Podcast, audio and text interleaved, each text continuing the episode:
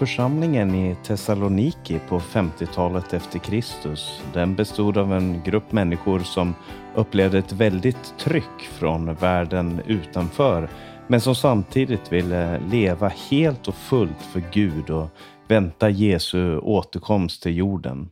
Och den här längtan, det handlar första Thessalonikerbrevet väldigt mycket om. Och det ska vi tala om idag, då vi ger några nycklar till just första Thessalonikerbrevet. Jag heter Paulus Eliasson och du lyssnar på Radio Maranata.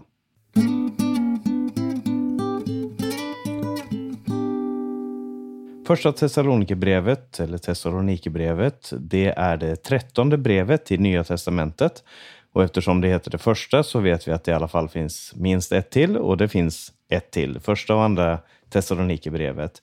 Eh, faktum är att eh, när jag studerade det här ämnet så visade det sig att eh, det finns de som menar att andra Thessalonikerbrevet kan ha skrivits före det första. Alltså det hette ju naturligtvis inte, då, han, då Paulus skickade det så, så hette det inte eh, första och andra Thessalonikerbrevet utan det är namn som vi har gett det senare.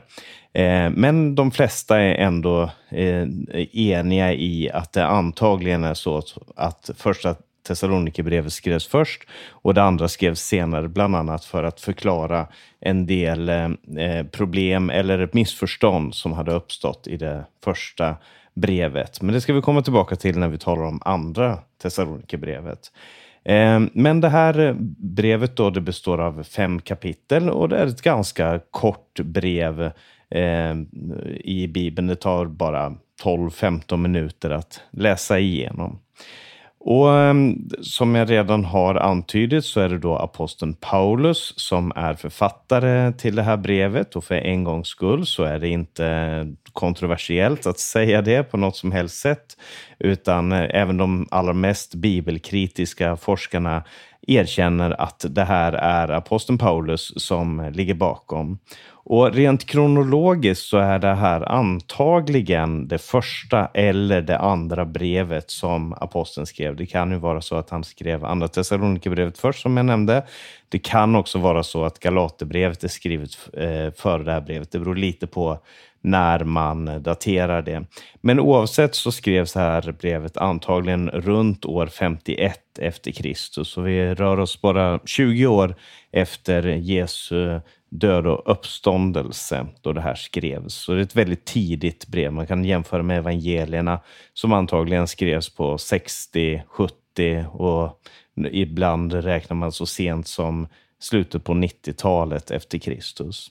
Men eh, det här är ett ganska viktigt brev, inte bara för att det är tidigt, eh, men också, eh, det är viktigt, för att, för att förstå det här brevet, så är det viktigt att man förstår vad den här församlingen i Thessaloniki, eller Thessaloniki, vet inte riktigt hur du vill uttala det, men eh, vad det var för en slags församling.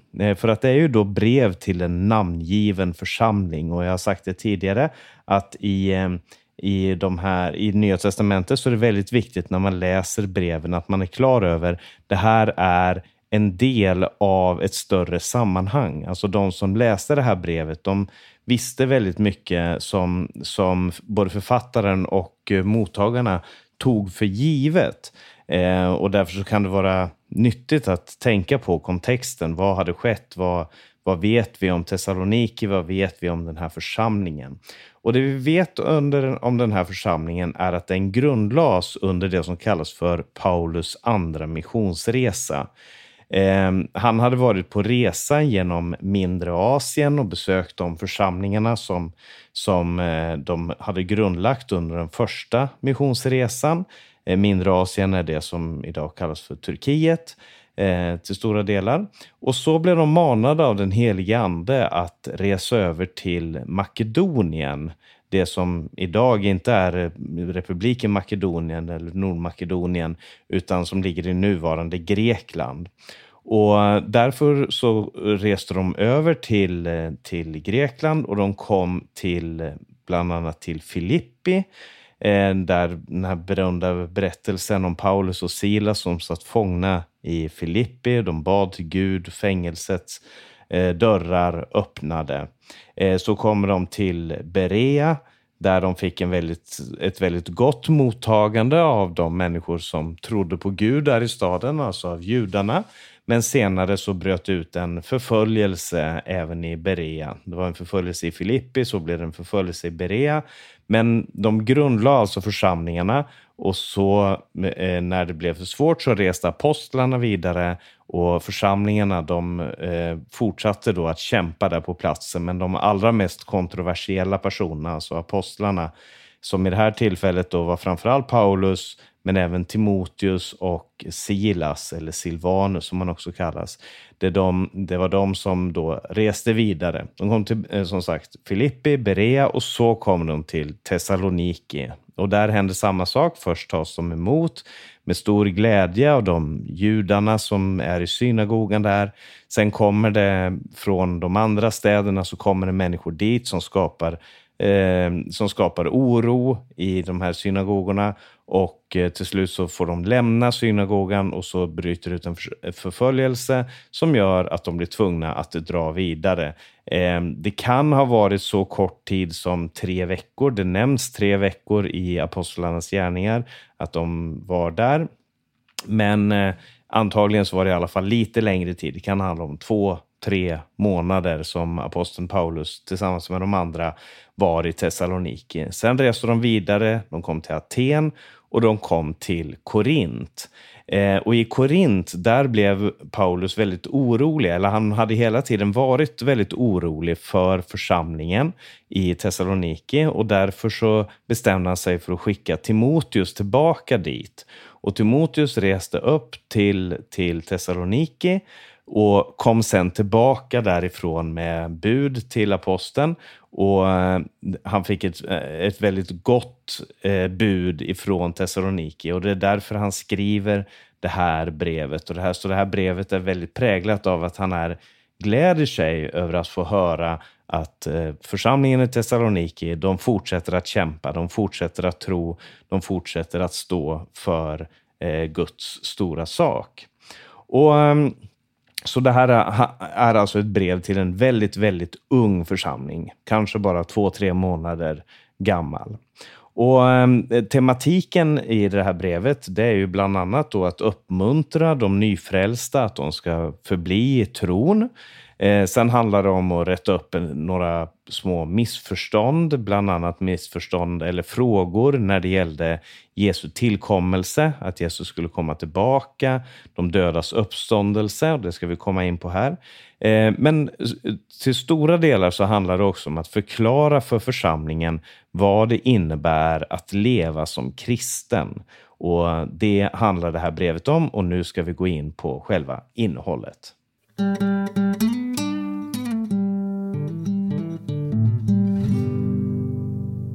Första Thessalonikerbrevet börjar så här. Från Paulus, Silvanus och Timoteus till Thessalonikes församling som lever i Gud Fadern och Herren Jesus Kristus. Nåd vare med er. Vi tackar alltid Gud för er alla när vi nämner er i våra böner, för vi tänker ständigt på er gärning i tron, ert arbete i kärleken och er uthållighet i hoppet till vår Herre Jesus Kristus inför vår Gud och Far. Och Det här är en väldigt typisk inledning på aposteln Paulus brev. Han börjar ofta med en, eh, med en bön, han har en hälsning eh, och så har han en bön. Och det här bönen avslöjar väldigt ofta eh, vad, som, vad det här brevet kommer handla om. Så först så nämner han då att det är Paulus, Silvanus och Timoteus. Som sagt, Silvanus är antagligen samma som Silas som kom ifrån, eh, som reste tillsammans med Paulus på den här missionsresan och de tar också med sig Timoteus.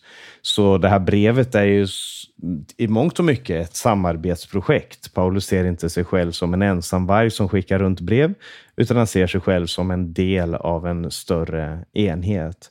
Och så kommer den här bönen och tacksägelsen. Och det finns flera böner i Thessalonikerbrevet som kan vara viktigt att eh, lägga märke till. Eh, men han talar om deras gärning i tron, arbete i kärleken, uthållighet i hoppet. Det är alltså tron, kärleken och hoppet. De här to, tre stora eh, bibliska och eh, nytestamentliga teman som vi möter gång på gång i eh, Nya testamentet. Att eh, de här sakerna är så viktiga. Tron, hoppet och kärleken. Och så nämner han då sin tacksamhet till Gud och han nämner också att andra församlingar har, har fått höra om församlingen i Thessaloniki och blivit väldigt uppmuntrade. Och i den nionde versen så säger han, de berättar själva vilken ingång vi fick hos er och hur ni omvände er till Gud, bort från avgudarna, för att tjäna den levande och sanne guden och vänta på hans son från himlen, honom som Gud har uppväckt från de döda, Jesus som räddar oss från den kommande vredesdomen. Så alltså de, och här beskrivs den här processen, eller det som skedde med församlingen, det som skedde med individerna i församlingen. Ni omvände er från avgudarna till Gud. Det var en omvändelse. Eh, och meningen med den omvändelsen var tvåfaldig. Det var för det första för att tjäna den levande och sanne guden och så för att vänta på hans son ifrån himmelen. Så det första handlade om tron, eh, att man omvänder sig från avgudarna till Gud. Så handlar det om ett kärleksfullt tjänande, alltså kärleken. Och så handlar det om hoppet, hoppet där man väntar Jesus tillbaka. Och så kommer vi in på andra kapitlet. Där talar Paulus ganska personligt om sitt eget förhållande till den här församlingen i Thessaloniki och han intygar och bedyrar sin egen kärlek till församlingen. I den sjunde och åttonde versen säger han så här. Som när en mor sköter om sina barn ville vi i ömhet ge er inte bara Guds evangelium utan också våra egna liv eftersom ni hade blivit så kära för oss. Så han, han säger, vi kom till er och vi delade evangelium med er. Men det var inte nog. Eh, evangelium är inte bara ord, evangelium är inte bara en teori, utan evangelium det sträcker sig så mycket längre. Det är inte bara en fribiljett till himlen, utan det är en invitation, en inbjudan till en gemenskap. Och han säger, vi, vi gav er våra liv. Han gav sitt liv till den här församlingen därför att han älskade den. Och eh, eh, eh, Paulus var ju en ledare, han var ju en apostel, men han beskriver här att ledarskap, det handlar inte om att dominera och utöva makt emot andra, utan ledarskap, det handlar om att tjäna och att älska, att vara som en mor är för sina barn.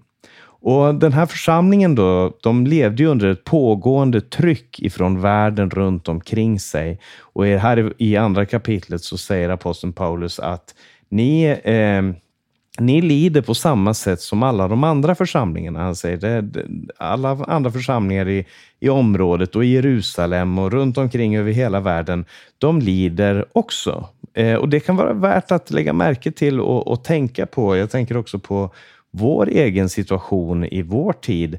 Därför att eh, eh, historiskt sett så är vi ganska, eller väldigt, väldigt privilegierade, vi som är troende idag. Vi har religionsfrihet, vi har mötesfrihet och även om vi ser att vi möter motstånd på plats efter plats och på sätt på, på många olika sätt i vår tid, så, så har vi ändå ett stort privilegium. Och de gånger som vi upplever att vi lider, eh, att vi blir förföljda, att vi, att vi möter motstånd, så ska vi inte låta det här eh, bryta ner oss på något som helst sätt. För att på samma sätt har Guds församlingar i alla tider blivit förföljda, förtryckta, eh, emotsagda, eh, förlöjligade och så vidare.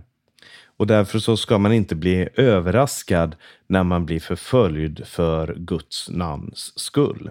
Det handlar då andra kapitlet om. Så kommer vi till det tredje kapitlet. Där eh, återberättar aposteln lite grann vad som har hänt. Han, här, de här olika turerna fram och tillbaka med församlingen. Eh, hur de kom dit, hur de senare skildes och hur han blev orolig. Det här som jag beskrev här i inledningen. Och så avslutar han eh, det här kapitlet sedan med, med en bön där han säger så här eh, han säger så här i den elfte versen. Må vår Gud och far själv och vår, eh, må vår Gud och far själv och vår Herre Jesus Kristus leda vår resväg till er.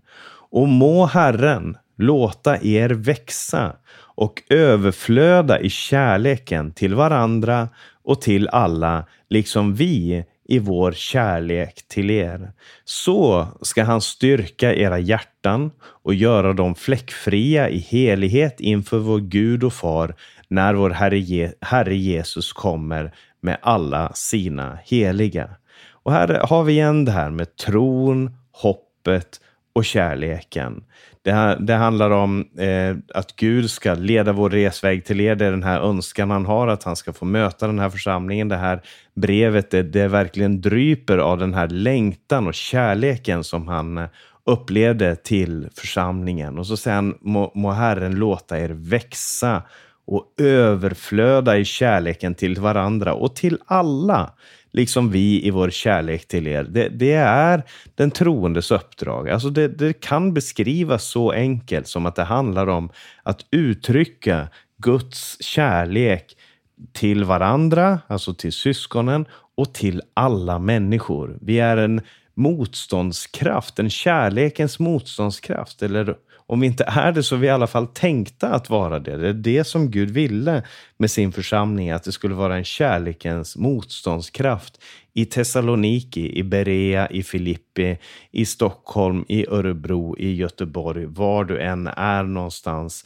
Det är det Gud önskade att, att göra med och i människor.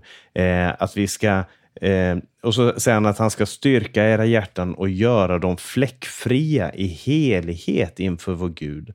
Alltså det här handlar ju om, då om förhållandet både till människor men också till Gud. Att man ska kunna vara redo, för att man ska kunna vara redo när Jesus kommer tillbaka med sina heliga.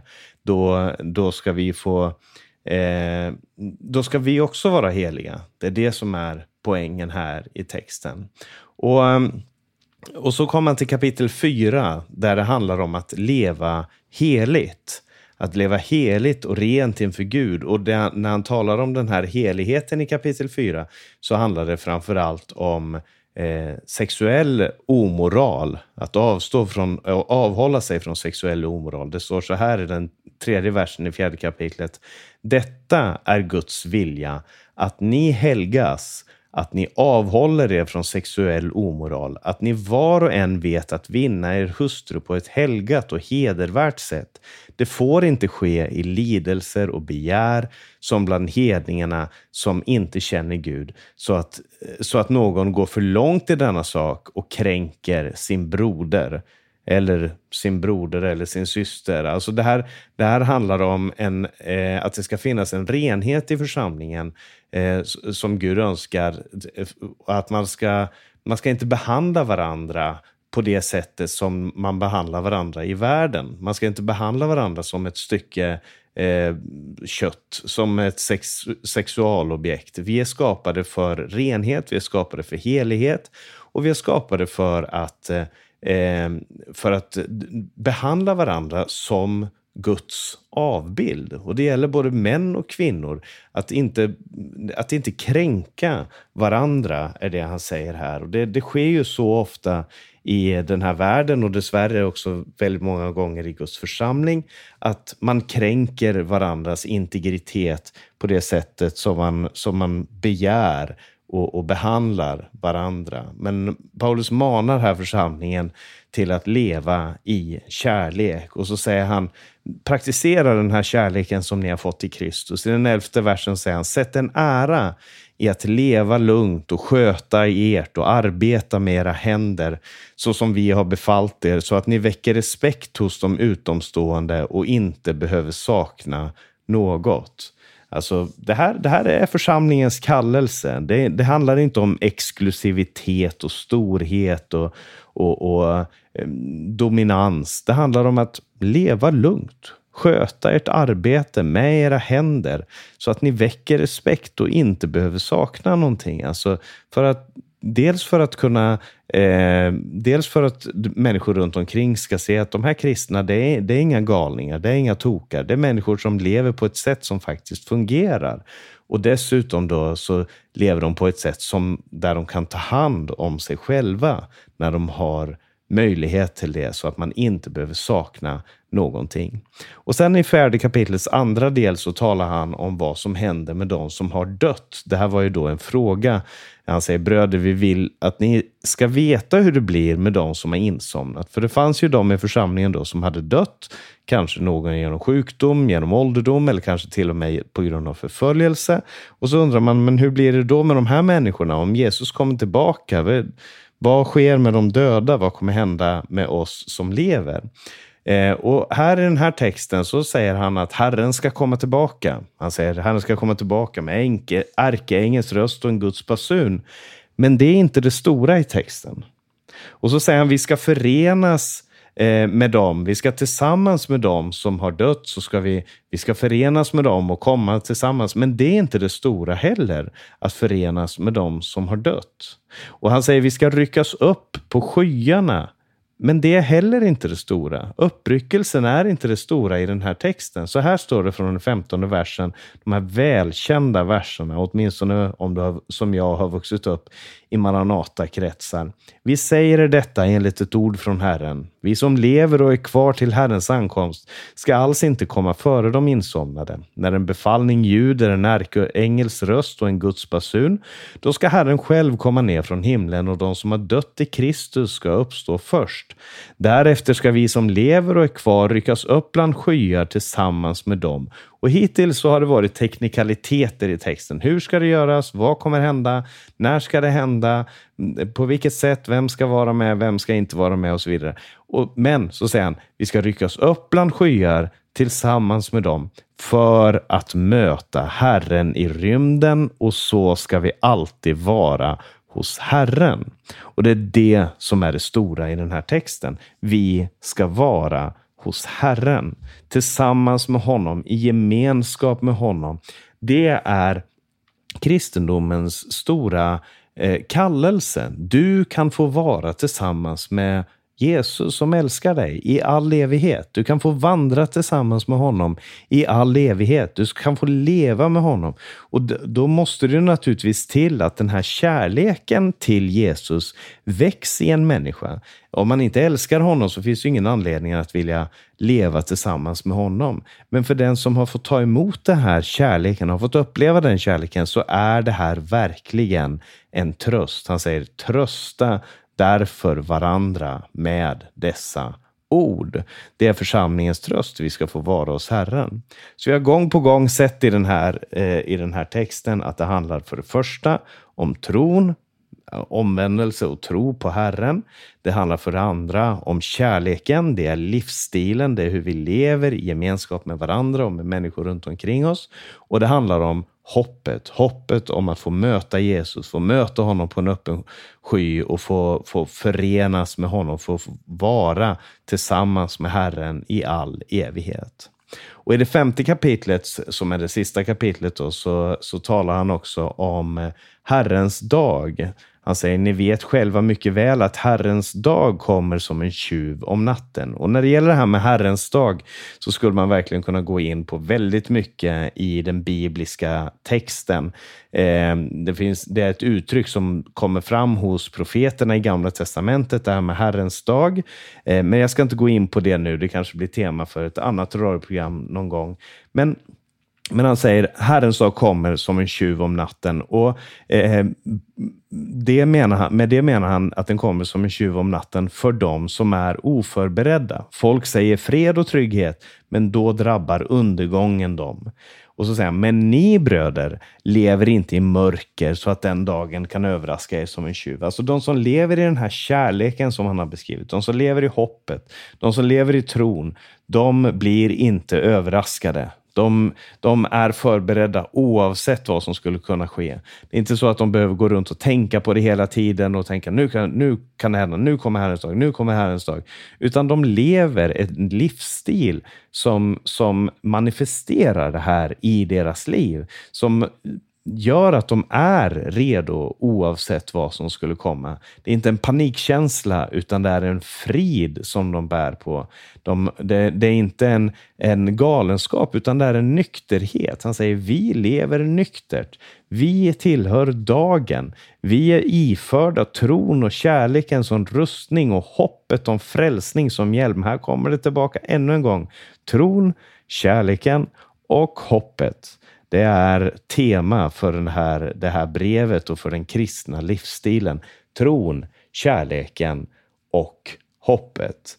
Och eh, så säger han att vi ska leva den här dagen, idag, som om dagen redan är här. Alltså vi ska, vi ska leva varje dag som om, eh, som om vi hade det här för ögat, att Jesus kan komma tillbaka när som helst. Det är vår livsstil. Det är inte en paniklivsstil, det är inte en livsstil byggd på fruktan, men en livsstil byggd på hopp och tacksägelse och glädje i Gud. Och till slut så avslutar han med en bön där han säger så här i den 23 versen.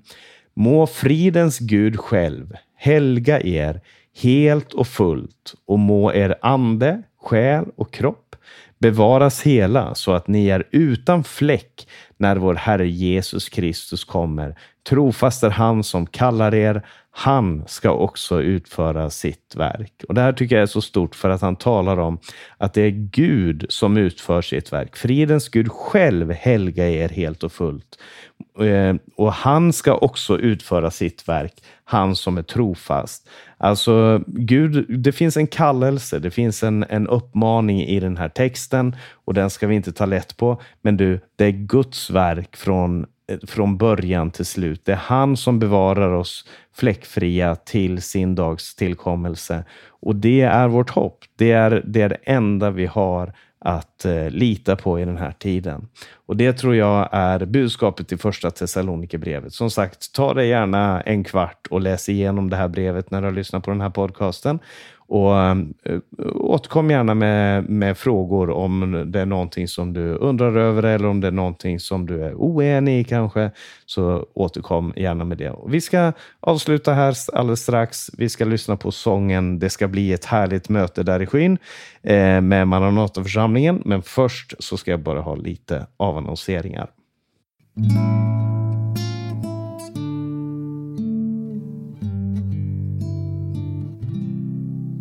Du har lyssnat på ett program ifrån Radio Maranata och Maranata Podcast. Det här programmet har sänds också över Stockholm och Örebro närradio. Var gärna med och sprid de här vidare om du tycker att det är intressant. Eh, du kan komma i kontakt med Maranataförsamlingen via e-post info maranata.se eller ring 070-201 60 20. Jag heter Paulus Eliasson och säger sprid Guds välsignelse till alla du möter på återhörande.